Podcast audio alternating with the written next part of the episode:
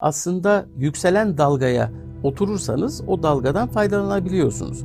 Ama yükselen dalganın altında kalırsanız e, boğulma riski yaşıyorsunuz. Bu iş dünyası içinde böyle.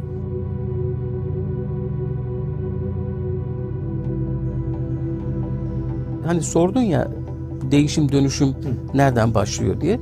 Birincisi patronun vizyonu. Yani Ayhan Bey'in mesela 1990 senesinde Garanti Bankası'nın aşağı yukarı vasat bir banka konumunda iken bana anlattığı vizyon bugünlerin Garanti Bankası'ydı. Yani aradan geçen zamana bakın yani hayali böyle bir hayaldi. Bazen e, çok vizyoner kişiler çok, çok e, sıradan insanları yakalayıp onların gerçekten esasında içindeki cevheri görüyorum. Doğru insan seçmek var ben çok büyük yetenek. Nasıl nasıl o e, nasıl e, onun doğru insan olduğunu neye göre karar veriyorsun? İyi günler. Taner Özdüş Akademi YouTube kanalına hoş geldiniz. Her hafta olduğu gibi bu hafta da çok değerli bir konuğum var. Bu haftaki konuğum Aycan Acar. Kendisi zamanının efsanevi bankacısı olarak biliyoruz. Ee, Birçok şapkası var. Bugün onlardan bahsedeceğiz.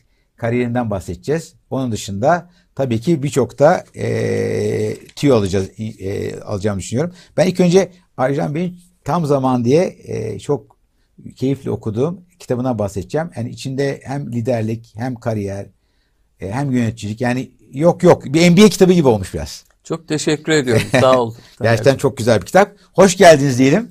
Çok teşekkür ederim. Hoş bulduk. Sağ ol. Tekrar görüştüğümüze çok sevindim. Aynı evet ben de tabii esneyip görüşüyorduk tabii bankacıyken evet. değişik evet. Dow Jones Trade'deyken en çok orada bir destek vermişsiniz. Doğru, her zaman. Ee, şöyle başlasak e, bu kitaptan başlamak istiyorum aslında. Tam zamanı. Bu kitabı niye yazdınız? Bu kitapta okuyanlara ne vermek istiyordunuz? Ya benim e, iş hayatında bu sene 49 yıl oldu. Yani 50. yılla girmek üzereyim. Tabii çok ciddi birikimler var.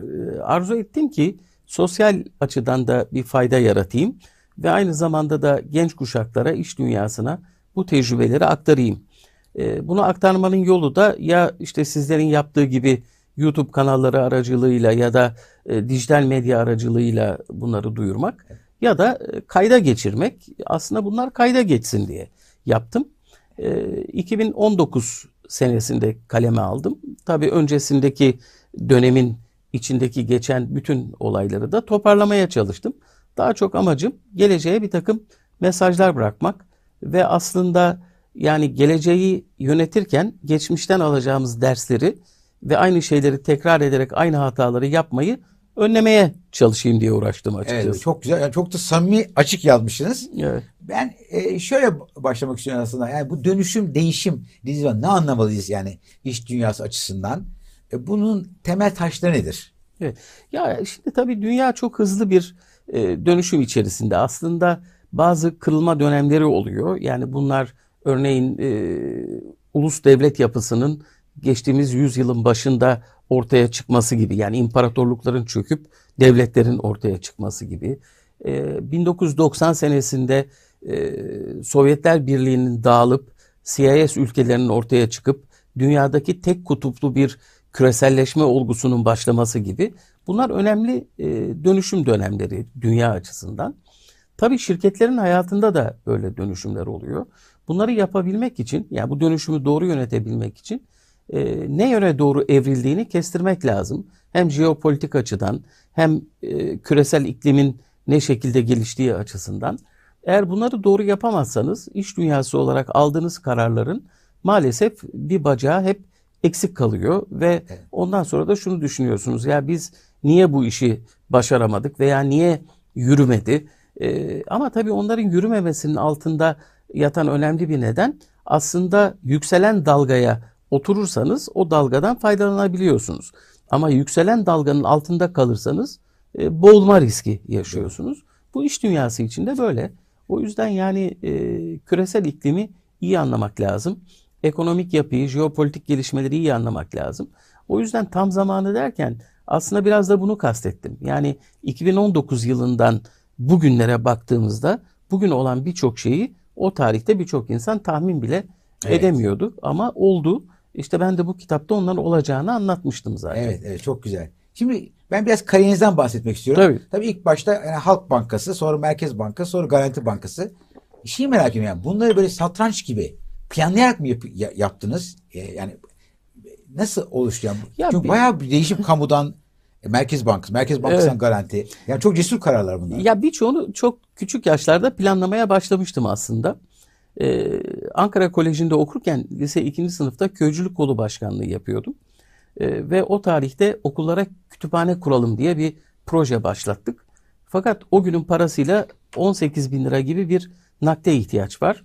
Tabii bu nakdi toparlayabilmek için de e, işte çeşitli aktiviteler, kermesler düzenliyoruz falan ama baktım yani oradaki nakit akışı yani ben bırakın liseyi, üniversiteyi bitirip hatta 20 yıl geçse bu okulları yapma, kütüphaneleri yapma şansımız olmayacak. Onun üzerine e, bir arkadaşım vardı kulakları çınlasın Umur Sezgin. Babası da Vakıflar Bankası'ndaydı. E, birlikte ziyarete gittik. E, projeyi anlattım. Düğmeye bastı. E, kızım şimdi Ajlan'ı gönderiyorum. 18 bin lira verin kendisine dedi. ve parayı aldım ve hemen projeyi gerçekleştirdik. O zaman bankacılık ve finansın yani nakde ulaşımın ne kadar kritik, ne kadar önemli olduğunu orada e, algıladım yani kendi kendime. Ve o tarihten itibaren de bankacı olmayı, daha doğrusu finans sektörü içinde olmayı aklıma koymuştum. Üniversiteye başladığım yıllar maalesef Türkiye'nin zor yıllarıydı. İşte terör olduğu dönemler, okullar açılıyor, kapanıyor falan. Ben de Ankara Koleji mezunu olduğum için İngilizce lisanına çok hakimdim. E, Halk Bankası'nın açtığı sınava girdim. İngilizce sınavını 98 puan gibi bir puanla kazandım. Ve lise mezunu olarak Halk Bankası'nda çalışmaya başladım. Yani hem bankacılık kariyerim açısından hem de okurken e, çalıştım. Yani daha doğrusu teori ve pratiği Yani bir arada... okumadan önce. Tabii tabii lise mezunu olarak başladım ben. Üniversiteye de devam ettim. Sonra master'ımı da yine Tam, tam zamanlı mı yoksa? Ay üniversite üniversite zaten kapalıydı. Ha, Dışarıdan kapalıydı. derslere yani akşam açılıyordu, sabah açılıyordu. Yani üniversiteler hep kapalıydı yani o dönemde. Ha, çok enteresan ve lise mezunu olarak da bankada tam zamanlı Tam çalıştınız. zamanlı çalıştım. Yani bir taraftan e, iktisat, bankacılık, finans, muhasebenin temel bilgilerini kitap üzerinden, kayıt üzerinden veya şimdiki deyimiyle online olarak yaparken bir taraftan da pratikte bunları uygulama Müthiş. şansı Peki oldu. Merkez Bankası nasıl oldu yani? Ya Merkez Bankası şöyle oldu. Halk Bankası'nda çalışmaya devam ederken e, bilimsel açıdan e, okulun verebileceği birçok şeyi alamadığımı fark ettim. Yani çünkü uzaktan eğitim şeklinde devam etti. O yüzden master yapmaya karar verdim. Fakat master'da paralı tabii. Para vermem lazım. Ama ekonomik gücüm de o parayı verecek durumda değil. Yani bankada çalışıyorum. Babamdan da para istemek istemiyorum. Yani master yapacağım diye. Halk Bankası'na müracaat ettim. Dedim ki benim master eğitim programımı siz karşılar mısınız? Çünkü birçok kamu kurumu karşılıyor. Birçok banka karşılıyor. Halk Bankası kabul etmedi. Bizim masterlı elemana ihtiyacımız yok diye. Onun üzerine fark ettim ki e, çalıştığınız kurumun insan kaynaklarına ve kendi insanların gelişimine katkı veren bir kurum olması lazım. Yani bir bankada çalışıyorsunuz, bankacılık master yapacaksınız ve banka diyor ki bizim ihtiyacımız yok masterlı elemana. Merkez Bankası sınavına girdim, e, kazandım ve Merkez Bankası'na sınavla geçtim. direkt. Tabii tabii. Ha. Ama hocaların birçoğu da master'dan hocamdı zaten. Ha. Yani daha doğrusu seçme kurulu Yani Merkez Bankası için bir torpile ihtiyaç yok yani. Direkt sınav kazanıp e, gidiyorsunuz. benim girdiğim yolla, yıllarda yoktu. Şimdiki durumu tam kestiremiyorum ama.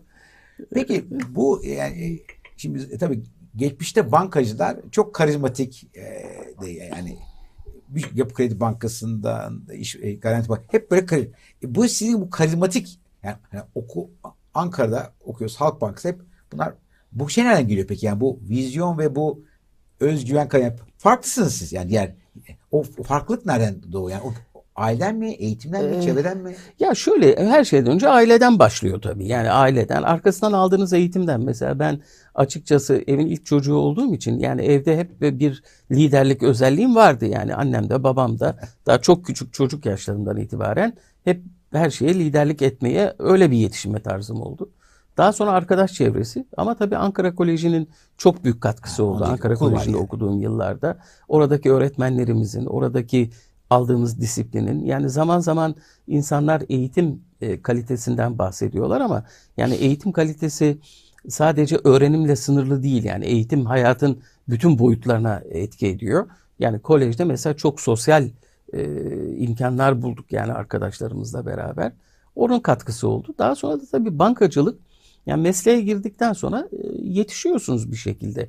Yani bilgi ve görgünüzü eğer alabilirseniz sürekli artırıyorsunuz. Yani ben Merkez Bankası'na girdiğimde çok genç yaşlarda e, küresel bankacılık sistemiyle çok entegre iç içe bir çalışma disiplinimiz oldu. Ne bileyim işte e, Yavuz Canevi gibi, Zekeriya Yıldırım gibi, Rüştü Saracoğlu gibi önemli e, yönetici insanlarla çalışma imkanım oldu. Onlardan bir sürü şey öğrendim. Yani e, dolayısıyla e, hem öğrenmenizi geliştiriyorsunuz hem de bilgi ve görgünüzü İyi bir okul geliştiriyorsunuz. esasında. banka. Çok çok. Mesela ben İktisat Bankası, Amerika'dan geldim İktisat Bankası'da başladım. Evet. Erol Bey'in yanında diyorum yani ya, hep kitabı yazdım yani 4 sene master üzerine master üzerine master yaptım yani. Tabii O tabii. kadar muazzam bir şey ki genç için o, o ortamı öğrenmek. Evet. Yani aslında her biri birer üniversite gibi yani öyle düşünün. Evet. Yani üniversitede aldığınız eğitimin çok daha fazlasını meslek yaşantınızda e, çalıştığınız insanlardan alıyorsunuz. Tabii herkes aynı düzeyde olmuyor. Dolayısıyla yani aslında bu açık büfe gibi.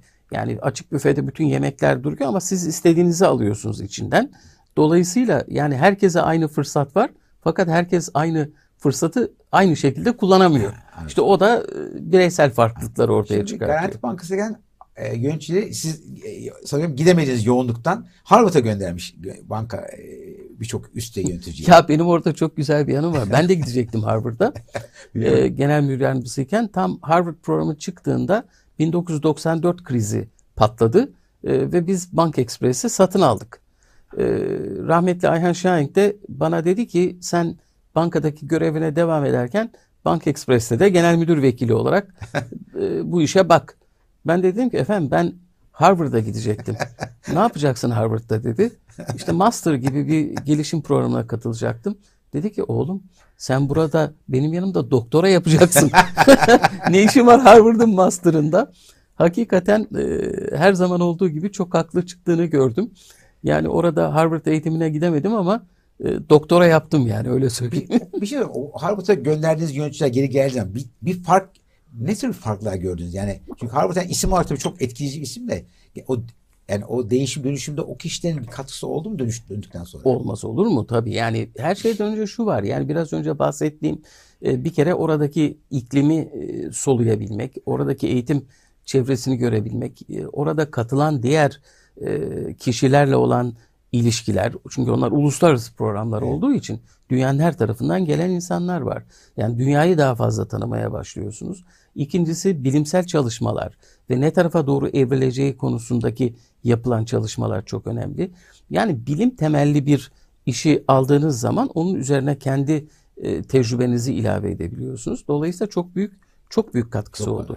Ama dediğim gibi yani burada şey çok Ama herkes aynı şeyi alamıyor dediniz Herkes aynı şeyi alamıyor. Yani siz e, mesela diyelim ki işte MT programları ne bileyim e, siz e, yüzlerce insanı programa alıyorsunuz. İşlerinden bazıları Evet. genel müdürlüğe kadar yükseliyor. Bazıları da Doğru. aradan exit ediyorlar. Doğru. Yani biraz da kişinin e, kendi kapasitesine, kendi vizyonuna ne kadar çalışma çalışma ve özel hayat dengesini ne kadar doğru kurabildiğine falan birçok faktör var yani. Evet. Yani herkes aynı şey olacak diye Olamıyor. bir şey yok. Ben mesela mecbur trainer olarak İktisat Bank'a gidip bize ne güzel hem para verdiler hem orada altı ay eğittiler. Tabii tabii. en iyi Tabii. hocalardan. Tabii. Hiç şaşırmıştım yani böyle bir şey yapmalarına. Evet ama So- işte o eğitimi aldığınız zaman dediğim gibi yani o eğitimi yüzlerce insana veriyor banka ama işlerinden belki yüzde onu, yüzde on beşi falan ancak üst kademelerde liderlik pozisyonlarına e, sıyrılabiliyor. Doğru, doğru.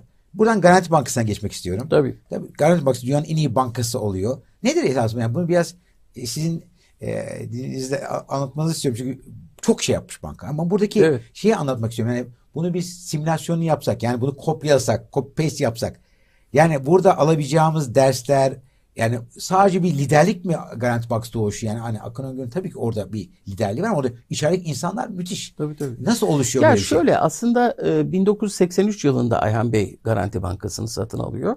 Satın aldığı dönemde de Koç ve Sabancı grupları Garanti Bankası'nın ana ortakları. Türkiye'nin en önemli, en büyük iki grubu. Sahibi Garanti Bankası. Tabii tabii Garanti Garanti Bankası kurulmamış e, daha önce olan bir bankayı e, bin, Garanti Bankası 1946 yılında kurulmuş. E, 100 tane esnaf bir araya gelerek Ankara'da Garanti Bankası'nı kurmuşlar. Garanti Bankası zaman içinde gelişmiş, belli bir noktaya kadar gelmiş o Türkiye'nin işte 1946-80 arasındaki gelişiminde. Daha sonra da bu hisseleri Koç ve Sabancı grubu almışlar. Koç majorite e, çoğunluk hisse Koç'ta, Sabancı'da azınlık hisse var. Ama Sabancı'nın da kontrolü var o azınlık hisse üzerinde. Dolayısıyla iki büyük grup iki çeşitli anlaşmazlıklar nedeniyle bir de tabii 1980 yılındaki Türkiye'de işte darbeye yol açan ekonomik krizler sonucu Garanti Bankası aşağı yukarı iflas etme noktasına gelmiş bir bankaydı 83 yılında. Bu kadar iki büyük sah- yani iki büyük grup Evet, olmasına evet, rağmen. evet. ama o iki büyük grup sürekli çekişme halinde. Yani e, tek bir hedefe doğru odaklanmış değil. E, Dolayısıyla Ayhan Bey 1983'te alıyor. 83'ten 87'ye kadar geçen dönemde birçok genel müdür değiştiriyor Garanti Bankası. Ama önemli isimler yani Halit Soydanlar gibi, Rahmi Önenler gibi yani Türkiye'nin çok önemli bankacıları Garanti Bankası'na genel müdürlük yapıyorlar. Burada Ayhan Bey'in vizyonu tabii çok önemli.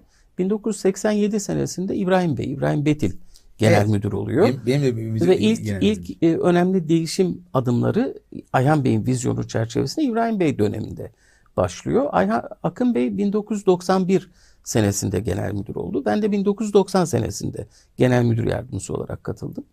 Ben Merkez Bankası'ndan ayrıldım. Bir pazar sabahı kulakları çınlasın Zekeriya Bey telefon etti saat 8. Ee, sabahın 8'i pazar günü ne yapıyorsun diye sordu. Pazartesi, pazar günü sabah 8'de ne yapılabilir yani işte evde dinleniyorum. Hemen dedi toparlan gel seni Ayhan Bey'le tanıştıracağım.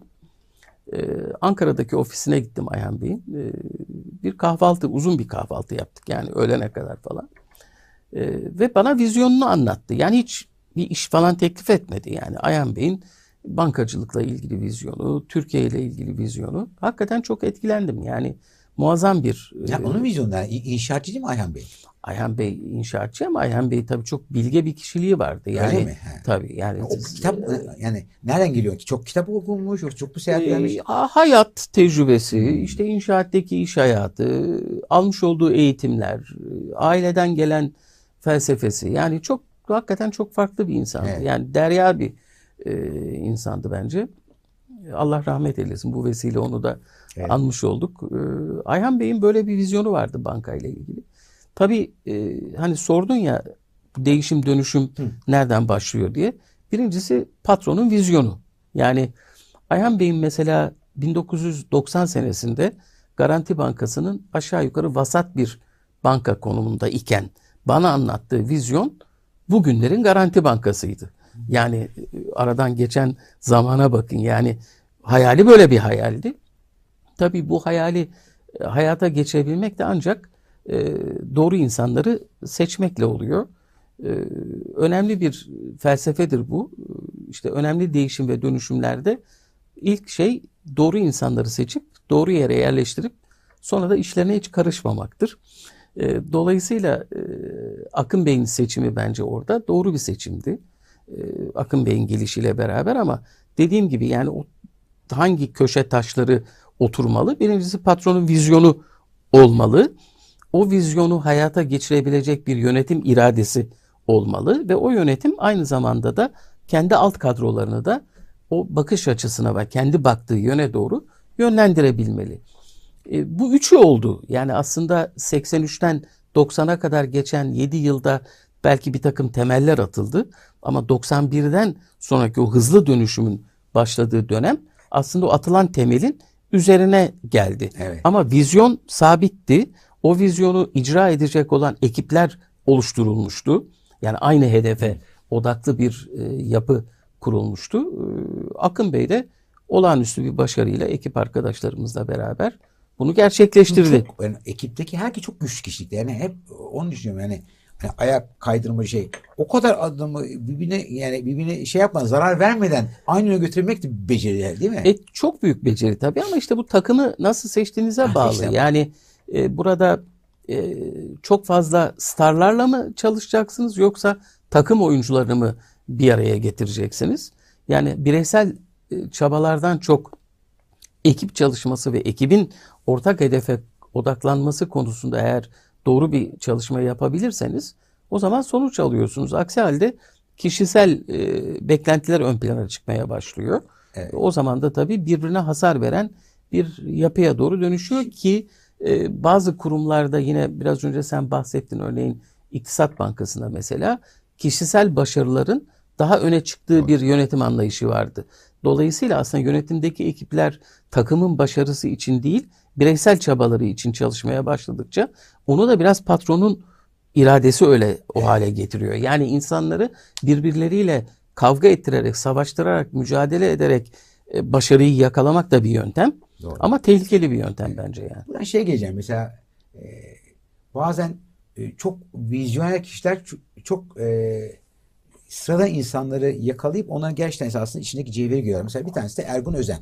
Onu da siz getirdiniz Garanti Bankası'na. E, İş evet, Bankası. evet. Nasıl yani bu hani doğru insan seçmek var ben çok büyük bir yetenek. Nasıl nasıl o ya nasıl e, onun doğru insan olduğunu neye göre karar veriyorsun? Yani orada Ya, var mı bir bilimsel bir şey? Var tabii tabii. Yani mesela Briggs-Myers testleri var. Yani e, kişilik envanteri çıkartabiliyorsunuz. Yani takım çalışmasına yatkınlık, işte hedefe odaklanmak, liderlik özellikleri. Bunlar aslında basit e, psikolojik testlerle anlaşılabilir şeyler. E, ama her şeyden öte tabii bir taraftan da siz ben Ergun'u tanıyordum. Yani Ha, e, daha daha önceden tanıyordum. Bankacılık yaptığı yıllardan, İş Bankası döneminden. Ben de Merkez Bankası'ndaydım o zaman. Tabii tanıdığım için o özelliklerini zaten biliyordum. İlk ekstra bir teste gerek yoktu yani. E, çok başarılı oldu yani. Garanti Bankası'nın en başarılı genel müdürü diyebilirim yani. Ama finans E, ağırlığı tabii. Sonuçta hani yani bir şekilde yani Akın Öngör'e baktığın zaman çok farklı iki tane profil. çok farklı tabii. Değil mi? Tabii tabii. Ama sanıyorum ki bir şey- yani banka kurulduktan sonra belki öyle birisine daha çok ihtiyaç var. İlk başta belki Akın gibi. Ya daha as- sonra aslına bakarsan çok haklısın. Onun için bana bazen soruyorlar mesela bizim bir e, işte genel müdür ihtiyacımız var Heh. diye soruyorlar. Diyorum ki siz ne hedefliyorsunuz? Yani Hmm. mesela dönüşüm yönetmek başka bir şey, kurulu düzeni idare etmek başka bir şey, gelişimi yönetmek başka bir şey, küçülmeyi yönetmek başka bir şey. Başka nitelikler gerektiriyor yani. yani aslında hedefi, hedefi bilmek lazım. Ne istiyorsunuz değil mi? Tabii. Mesela Akın Bey önemli e, bir liderlik özelliğine sahipti. Aynı zamanda da iletişimi de çok kuvvetliydi. Tabii e, Akın Bey hedef biraz sporculuktan gelen özellikleriyle takım oyununa daha yatkındı. E, Farklı farklı kişilikler. Ama yani kuvvetli bir dönüşüm yönetimi yapan bir lider e, kurulu bir düzeni e, idare etmekte iyi olmayabilir yani. Garanti Bankası'nda Akın Bey İbrahim Bitil'den aldı görevi? Evet evet. Ama İbrahim Bitil sonra gitti Bank Express'in genel müdürü oldu. Bank Express'i size- kurdu. Kurdu. Ha, genel Bank. Express'in patronu, kurucusuydu İbrahim Bey. Aynı zamanda da yönetim kurulu başkanıydı. Genel müdürleri de O- üç genel müdürle çalıştı yani. Evet, orası çok farklı bir yapıyla kuruldu. Yani değil mi? Dört Evet, tane evet. genel müdür falan var sanıyorum değil mi? Çok Dört farklı. genel müdürlük Nedir oldu? Bank Express'e gittiği zaman neyle karşılaştınız? Ya şöyle birincisi tabii e, çok talihsiz. Mesela bana sorarsanız zamanlama hatasıydı kuruluşu. Ha, kuruluş. Zamanlaması. zaman. Yani mesela hatırlarsın 1980'li yılların ortasında Türkiye'de merchant banking veya e, toptan bankacılık dediğimiz ya da e, işte dış ticaret odaklı bankacılık dediğimiz bir olgu başladı. Evet. Türkiye 80'li yıllardan sonra dış ticaretin serbestleşmesi, dövizin serbest hale gelmesi ve serbest